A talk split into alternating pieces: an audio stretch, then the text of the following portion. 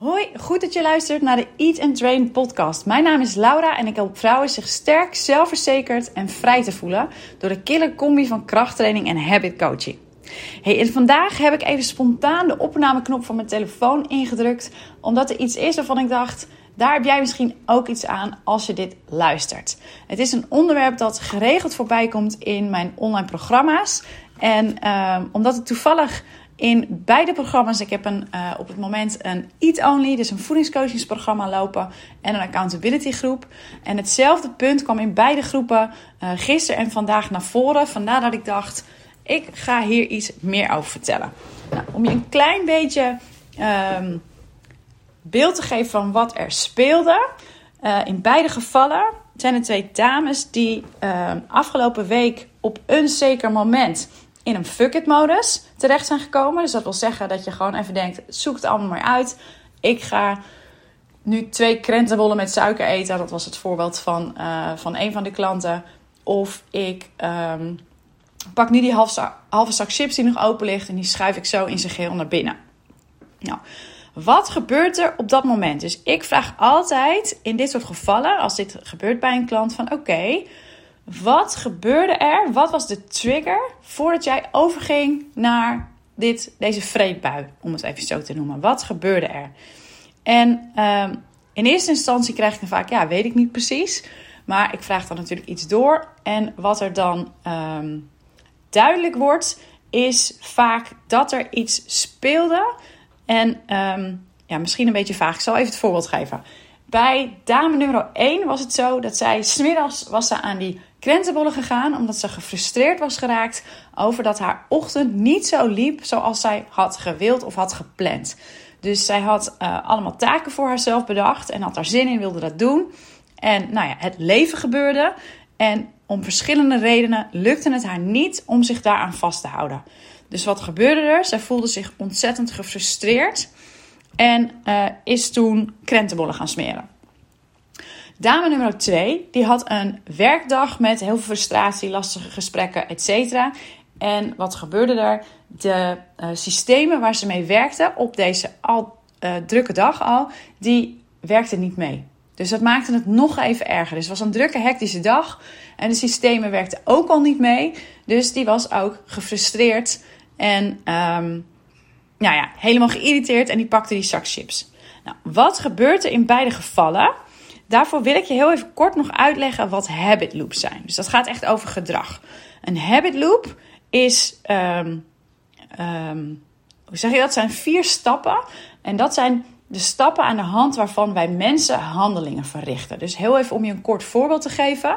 Het gaat om een verlangen, uh, sorry, een trigger, een verlangen, een actie en een bevrediging. En als voorbeeld gebruik ik vaak dat als jij in een donkere kamer binnenkomt lopen, dat jouw verlangen is dat je wil zien.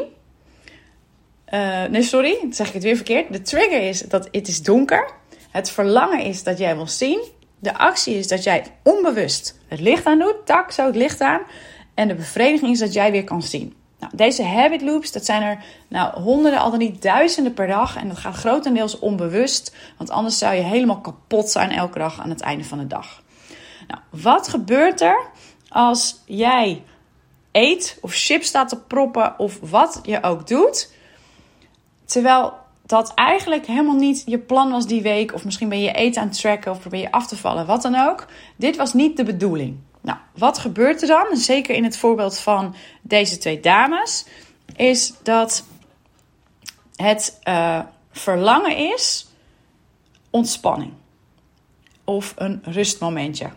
Ja, dus um, de dame in kwestie die een hele agenda volgepland, een agenda met een to-do-list had en er, er, kwam ineens gooide er allerlei partijen roet in het eten.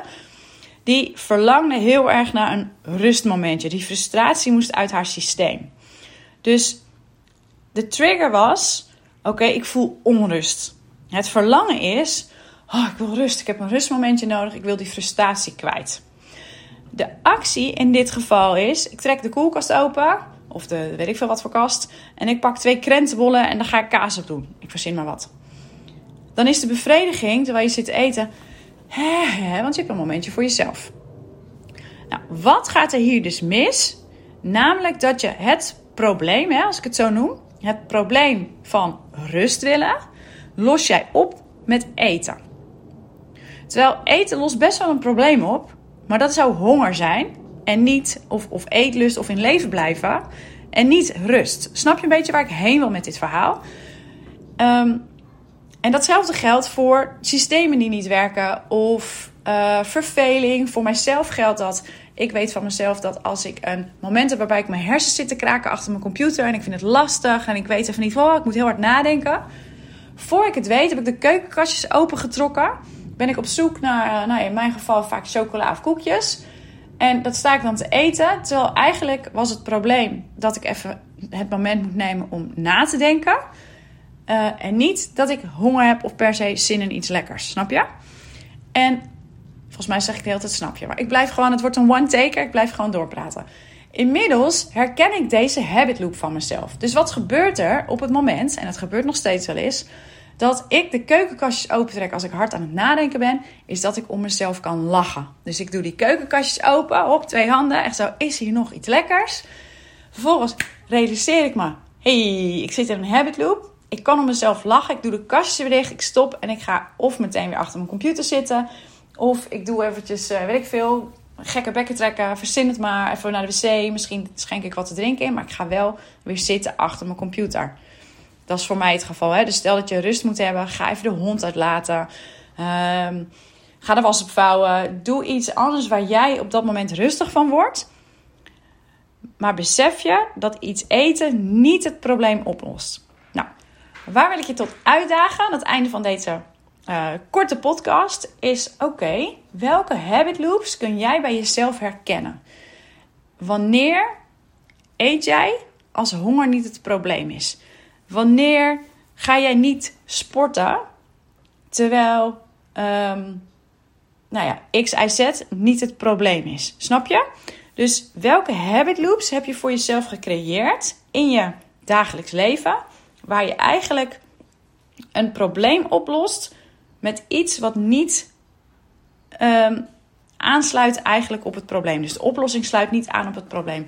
Ik vind het ook nog wel eens leuk om de uh, uitdrukking, of hoe noem je dat?